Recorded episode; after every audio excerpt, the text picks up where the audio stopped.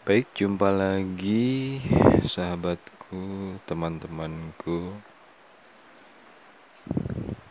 Uh, ini di bagian berapa ya? Bagian 1 2 3. Ini bagian 4 ya atau 4 4 4 ya, bagian 4.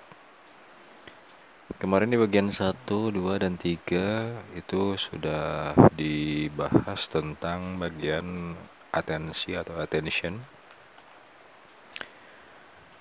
Dan bagaimana kita menyeimbangkan antara posisi sebagai penyiar dan juga membayangkan ketika kita bicara itu seluruh pendengar sedang mendengarkan kita. Dan di bagian 3 kalau nggak salah yaitu saya rangkum ada taburan tips-tipsnya karena tidak bisa saya menyebutkan 10-20 tips harus dengan kronologis supaya berikut penjelasan begitu ya. Uh, teman-temanku yang pemula utamanya yang ber berkeinginan menjadi seorang penyiar itu kalau sudah mendengarkan detail semuanya dari cerita saya itu untuk attention pasti nanti akan memahami. Sekarang di bagian 4 ini akan masuk ke uh, tahap yang namanya pemula itu. Setidaknya yang uh, jadi pertanyaan biasanya apa yang harus dilakukan untuk pertama kali memulai? Saya tetap akan menjelaskan dari kronologi saya waktu itu. Di part 1 atau bagian 1 kalau nggak salah ya saya sudah menjelaskan bahwa waktu itu pertama-pertamanya eh, main dengan teman-teman ke salah satu radio lokal di daerah karena semakin lama semakin lama itu dekat dengan para penyiarnya dengan pemilik radionya akhirnya mereka menawarkan untuk uh, hiburan di sini yuk gabung di sini yuk belajar bareng di sini begitu. Waktu itu saya tidak terpikir arahnya ke mana apakah menjadi penyiar itu tujuannya apa saja begitu. Waktu itu karena bentuknya akrab ya. Jadi uh, seperti iseng tapi eh lama kelamaan ternyata di dalamnya itu banyak variasi-variasi perjalanannya. Seperti misal awalnya ditawarin sini duduk. Ah enggak gitu. Malu gitu disuruh duduk di kursi yang sebelahnya lagi di, di saat dia lagi siaran pas memutarkan lagu kan uh, dibuka tuh uh, headphone-nya. Dia manggil. Uh, sini duduk. Awalnya enggak tapi dorongan dari teman-teman juga ayo ayo masuk. Akhirnya ikut duduk juga. Nah, nggak tahu kenapa waktu itu ini bukan cerita secara singkatnya ya waktu itu uh, saya itu seperti dianggap tamu sama dia tuh. Jadi seperti dianggap narasumber. Saya kira itu micnya hidup. Jadi saya seolah-olah uh, menahan takut ada batuk, ada obrolan, ada dehem gitu, hmm, hmm gitu, atau takut ada uh, ketawa gimana ya, namanya di di depan dari kaca kelihatan teman-teman ngeliatin juga kan jadi saya gimana gitu? Uh, waktu itu dia si penyiar itu ngobrol gitu saya tidak sendiri katanya ditemanin bareng siapa gitu. Nah itu. Saya bingung gitu ditemenin bareng siapa soalnya saya dulunya nggak ngefan dulu nggak nggak request gitu. Jadi awalnya saya tidak merencanakan harus pakai nama apa. Nah, jadi di sini untuk bagian 4 ini kenapa di radio itu banyak nama samaran? Atau nama landian atau tidak nama aslinya gitu kenapa gitu? Kan mungkin secara sekilas berbohong dari nama asli ngumpet dari nama asli atau uh, biar uh, namanya lebih keren mungkin lebih gaul mungkin gitu ya. Itu saya tidak akan menjawab untuk hal itu. Yang pastinya setiap orang punya nama. Kalau ditanya namanya siapa pasti akan menjawab auto walaupun pertama-pertama bingung tapi lama-lama akan menjawab otomatis akan menyebutkan nama landian yang sebagus-bagusnya seunik-uniknya se bahkan beda dari orang lain dan mudah untuk dikenal nantinya. Uh, waktu itu pemikiran saya uh, karena pas lagi acara daerah ya daerah acara Sunda gitu. Acara lagu-lagu daerah. Kalau di kita Sunda ya teman-teman. Karena ini saya ngobrol penyampaian audio saya ini didengarnya bukan hanya orang Sunda jadi seluruh pendengar. Jadi pasti teman-teman tahu ya ada suku Sunda bahasa Sunda gitu dan lagu-lagunya Sunda. Sunda itu ada e, banyak sekali teman-teman. Ada Sunda klasik ada dari lagu-lagunya juga banyak. Nah waktu itu saya auto memberikan nama itu karena saya pengen lebih ke arah romantis waktu itu. Ya jadi saya waktu itu adalah pakai nama Ayang. Ayang ya. Ayang.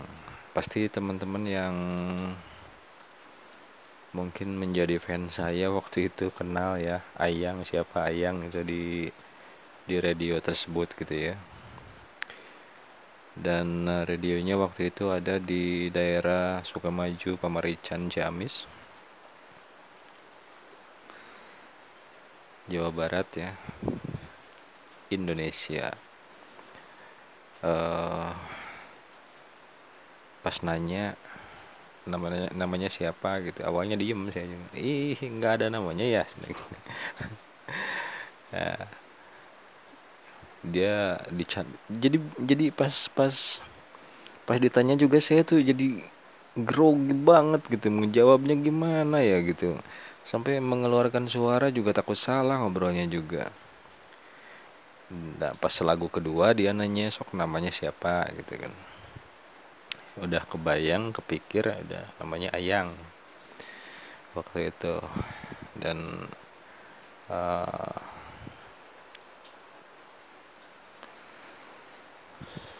waktu itu yang di lagu kedua kalau nggak salah ya. Saya saya inget-inget nih lama berapa puluh tahun nih. Kurang lebihnya aja ya e, ditanya gitu namanya Ayang dari mana gitu kan.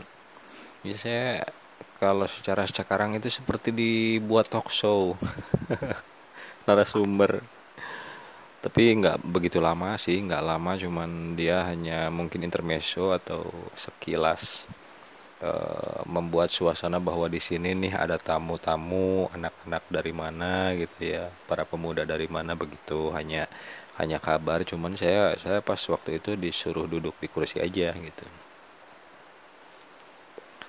Udah saya keluar lagi ya para penyiar ya siaran seperti biasa.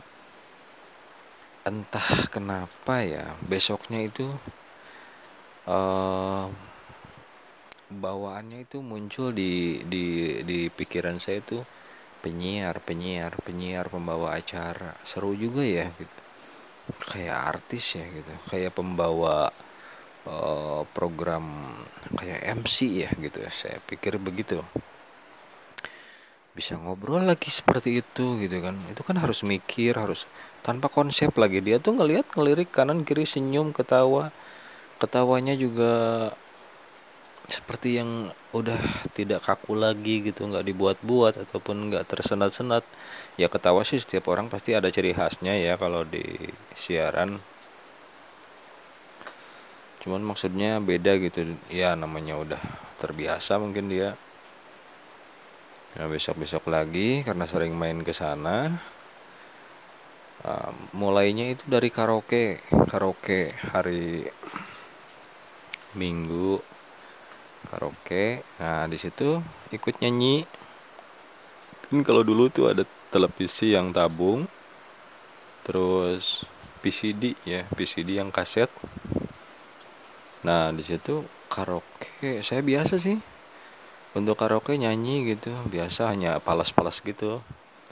Tapi megang mic jadi agak terasa harus suara itu jaraknya sekian cuman bedanya kalau karaoke itu ada echo. Ada echo jadi satu tuh dua wa gitu ya. Tiga ga jadi ada echo. Tambahan suara kita tuh bereho echo. Ke sini ke sini mereka uh, mempersilahkan untuk mencoba duduk di kursi yang utama ya kursi yang pertama itu. Pas lagu duduk ngeliatin ini tombol mic ini kalau memasukkan kaset-kaset sih sudah bisa. Yang jadi pikiran itu adalah gimana memulai ngobrol sama lagu kan kalau kita ngobrol dan pas ngobrol habis lagu harus masuk. Nah itu yang dikasih tutorialnya dikasih ini uh, pencet ini masukkan ini gitu. Nah uh, saya singkat sedikit ya. Saya singkat supaya tidak terlalu detail karena teman-teman sudah membayangkan kan ke sana. Sudah terbayang ya. Uh, mencoba masuk mencoba uh, waktu itu pertama-tama membacakan atensi. Hmm, kayak dinas banget pokoknya. Uh, tapi biasa gitu karena kan mendengarkan sering mendengarkan si penyiar suka membacakan atensi begitu kurang lebihnya ya diikuti ceng sih seperti kita motokopi suara dia motokopi cara dia. Nah setelah itu kesalahannya waktu itu adalah ketika ngobrol abis uh, tidak refleks di tangan harus sambil masukin kaset harus sambil klik play. Harusnya ngobrol abis nyebutin judul lagu itu lagu udah masuk gitu kan. Di situ terus kendalanya lagi pas ngobrol lagu sudah masuk tapi volume kegedean volume back song lagu pengiring. Kan lagu pengiring habis itu kaset dimasukkan klik nomor judul lagu yang disebutkan ternyata langsung besar gitu. Kaget juga di situ. Ada malu rasa bersalah tapi uh, lama kelamaan ada lagi. Uh, pas back song selalu kegedean jadi nggak di telinga itu kita uh, belum refleks antara ngobrol kita dengan pengiring musik pengiring itu ada lagi uh, kadang kita udah benar tapi kesalahan di apa bukan kesalahan ada kaset yang rusak misalkan gitu. Lagu kan tersenat-senat bingung tuh. Akhirnya masuk apa enggak ya gitu kan. Kalau penyiar yang udah biasa kalau kaset udah tersendat macet misalkan dia tuh bisa masuk ngobrol ke mana-mana gitu. Idenya ada aja gitu. Seperti uh, dilanjutkan lagi dengan lagu berikutnya atau gimana gitu di situ masih kendalanya. Terus poin-poinnya banyak banget. Belum bisa ketawa yang luwes yang biasa sebagai penyiar gitu kan. Dinas banget ngobrolnya. Dan lama kelamaan terus waktu berjalan diasah terus terbiasa. Akhirnya mendapatkan jatah jadwal uh, siaran begitu Nah, untuk sampai di situ aja. Seperti yang di bagian satu atau dua ya saya ceritakan bahwa untuk di era baru sekarang-sekarang ini dari ngelamar jangan takut. Nanti juga biasanya dibawa dulu ke ruang produksi untuk dilatih supaya lancar. Karena untuk yang sekarang tidak bisa latihan langsung sambil on di uh, studio pertama studio pusat yang dipakai on air untuk keseluruhan. Karena di situ yang udah jadi atau minimal yang udah lancar begitu. Dari mulai otak atiknya lagian sekarang kan lain lagi komputer. Tapi sebenarnya kalau dibanding-banding sih lebih mudah sekarang. Mm udah sekarang kan lagu-lagu ada data. Handphone kita udah biasa lah muter lagu milih menu gitu kan kalau dulu beda. Dulu tuh beda. Ada lagu yang ada di dalam kaset. Kaset pita teman-teman. Ada di sebelah mana? Lagu yang di tengah-tengah yang paling bingung di sebelah mana? Kan? Gimana coba? Ada yang minta lagu. Sementara di tulisan judul lagu itu ada di nomor 5 misalkan dari 10 lagu terus kalau kaset pita gimana kita ngepasinnya? Kan nggak nggak diklik. Walaupun di play kita nggak tahu sebelah mana mulainya. Nah, caranya waktu itu uh, ada tempat seperti pemutar lagi tapi di dalam ruang siar suaranya keluar gitu kan. Nggak ke nggak keluar ke pesawat ke udara. Suaranya di situ di ruang siar aja dan diputar saat mic yang bicara mati atau lagi lagu gitu kan. Kan kalau di ruang siar bisa dikecilin lagu. Kalau siaran juga cuman pakai headphone kan. Nah jadi diputar dulu kasetnya uh, neck ataupun back gitu kan ya. Pas belum gitu kan. Misalkan lagu yang akan diputar misalkan lagu dangdut seperti almarhum almarhum dulu lah pokoknya. Hmm, lagu-lagu lama lah pokoknya gitu ya. Atau uh, sebuah judul lagu misalkan bunga dahlia. Nah uh, dari awal tuh pendurin lagi udah pas nah udah. Jadi nanti dipasang di tempat pemutaran yang keluar yang on air itu. Jadi nanti pas gitu. Uh, sebenarnya udah kalau udah biasa di situ ada beberapa kolom pemutaran kaset ada pakai VCD ada pakai kaset gitu kan. Uh, kenapa? Uh, ya waktu itu begitu kaset VCD DVD dan kebanyakan di kaset sih. Waktu itu kaset pita maksudnya. Hmm, karena ada acara klasik seperti uh, di di suku Sunda itu kan ada jaipong, wayang golek itu hampir semuanya kaset waktu itu. Wayang golek juga kaset sampai tiga kaset. Ditungguin harus ditungguin jangan sampai ketiduran tuh jadi penyiarnya itu. Habis kaset yang pertama harus siap pindah. Kaset kedua dipasang. Jadi play gitu apalagi ya yang disebut rumit paling ya itu teknis sih kalau soal itu teknis bila kita belum bisa bisa didampingi di uh, pinggir kita namanya operator kalau ada tapi kalau nggak ada ya kita tetap harus sendiri gitu. Tapi lama kelamaan nggak kok nggak nggak seribet itu gampang gitu. Karena seperti kita di rumah juga kan punya tip. Di rumah belajar gitu kan bisa nanti sama aja waktu di ruang siar juga seperti itu. Hanya bedanya lebih teratur gitu. Jadi supaya suara keluar itu pas gitu. Jangan sampai pas diklik lagu misalkan setelah lagu jatuh bangun misalkan dangdut mau ke lagu malam terakhir misalkan. Pas di play jatuh bangun masih belum habis. Selamat mendengarkan. Eh jatuh bangun lagunya terus pas habis baru malam terakhir. Jadi harus ada di tengah-tengah yang kosongnya itu. Selamat mendengarkan. Atau misalkan dengan satu judul lagu malam terakhir. Jadi langsung kosong malam ini. Dan yang bagus adalah ketika kita menyebutkan selamat mendengarkan ataupun uh, pas pas kata dua tiga kata terakhir itu lagu udah masuk.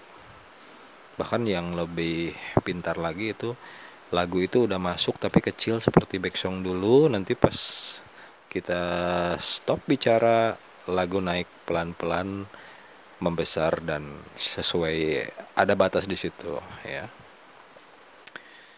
Itu teman-teman. Uh, saya kupas ya. Bagi yang belum tahu ngebayangin siaran itu kayak gimana. Jadi ada prosesnya ada. Ada kendalanya banyak apakah semua orang bisa? Bisa. Apakah nanti semua akan lancar? Itu kembali lagi ke ketangkasan diri masing-masing keseriusan dalam menangkap yang diajarkan. Karena kalau main-main ataupun kalau uh, tidak serius itu sayang banget ya. Sayang banget apa yang disampaikan nanti tidak dicerna tidak di apa namanya tidak dipahami eh, saat praktek kita nanya lagi nanya lagi gitu. Mending kalau yang ngajarinnya sabar kalau yang memandunya eh, kadang-kadang kan orang yang sudah bisanya mengalah posisinya di posisi kursi operator. Mending kalau ada gitu kan. Dia ada panggilan keluar ada tamu harus di depan gitu kan begitu jadi uh, tetap kembali lagi ke diri kita. Makanya yang disebut dengan uh, harus fokus itu seperti itu. Ini untuk fat atau bagian 4 dulu ya. Cara mengoperasikan berarti ini masuknya. Tapi versinya zaman dulu nanti kalau di bagian selanjutnya untuk versi zaman sekarang seperti pakai komputer nanti saya jelaskan lagi tekniknya. Ini yang zaman dulu tapi kalau tidak diurut seperti ini maka sahabat tidak akan punya bekal untuk ketahanan. Jadi wah iya ya dulu waktu uh, yang saya bicarakan ini seribet itu. Sekarang mah lebih simple gitu. Nah itu kan nanti di pikiran dan mental juga psikologis kita juga berubah. Masa sekarang lebih praktis? Saya nggak bisa kan jadi tambah ambisi kita itu untuk menjadi penyiar jadi tambah pede tambah ringan gitu. Karena yang saya sampaikan ini mungkin tidak akan teralami oleh teman-teman untuk yang sekarang-sekarang ini. Tetapi ketika mendengar cerita ini maka nostalgia para pendengar saya ataupun radio-radio yang lainnya di setiap daerah, setiap wilayah pasti ini hampir sama ceritanya pada waktu dulu pemutaran kaset. Dan e, mungkin yang semasa seumur saya yang pernah pas dulu ngalamin siaran juga ini akan bernostalgia nih dengan cerita ini sebenarnya. Ya, karena mereka juga mengalami hal yang sama begitu. Baik itu untuk teknis uh, pemutaran lagu yang harus pas dan uh, dari mulai tidak sanggup untuk duduk di kursi yang utama bahkan menjadi narasumber pun bingung ya. Bahkan kenapa orang pakai nama samaran? Kalau nama samaran itu mungkin sudah menjadi tradisi ya setiap orang punya nama samaran. Bahkan di sosial media sekarang pun nama-nama itu kan bisa aja nama samaran nama panggilan lah sebenarnya. Bukan nama samaran panggilan enaknya ya. Samaran kayak apa mau detektif. Nama panggilan biasanya beda dengan nama asli yang ada di KTP gitu aja ya jelasnya ya. Baik itu aja dulu untuk di bagian keempat nanti di bagian kelima uh, saya teruskan lagi karena ini harus sambung menyambung estafet dari masa ke masanya. Mohon dukungannya teman-teman. Saya menghadirkan ini bentuknya audio audio video atau audio uh, podcast. Nanti saya atur karena perlu uh, nanti di dirapihkan dulu supaya tampilnya enaknya gimana gitu kan. Uh, karena uh, ada yang orang bisa sampai menelusuri ke apa aplikasi Sport TV ataupun uh, apa namanya uh, aplikasi Ancor ya Ancor itu ada orang yang uh, malas mengunjungi link-linknya itu pengennya ngelihat langsung bentuk video. Jadi nanti saya saya bentuk ini apakah video juga atau audio audionya saja gitu dan foto begitu. Ya. karena tujuannya sebenarnya tadinya ini masuknya ke podcast suara saja.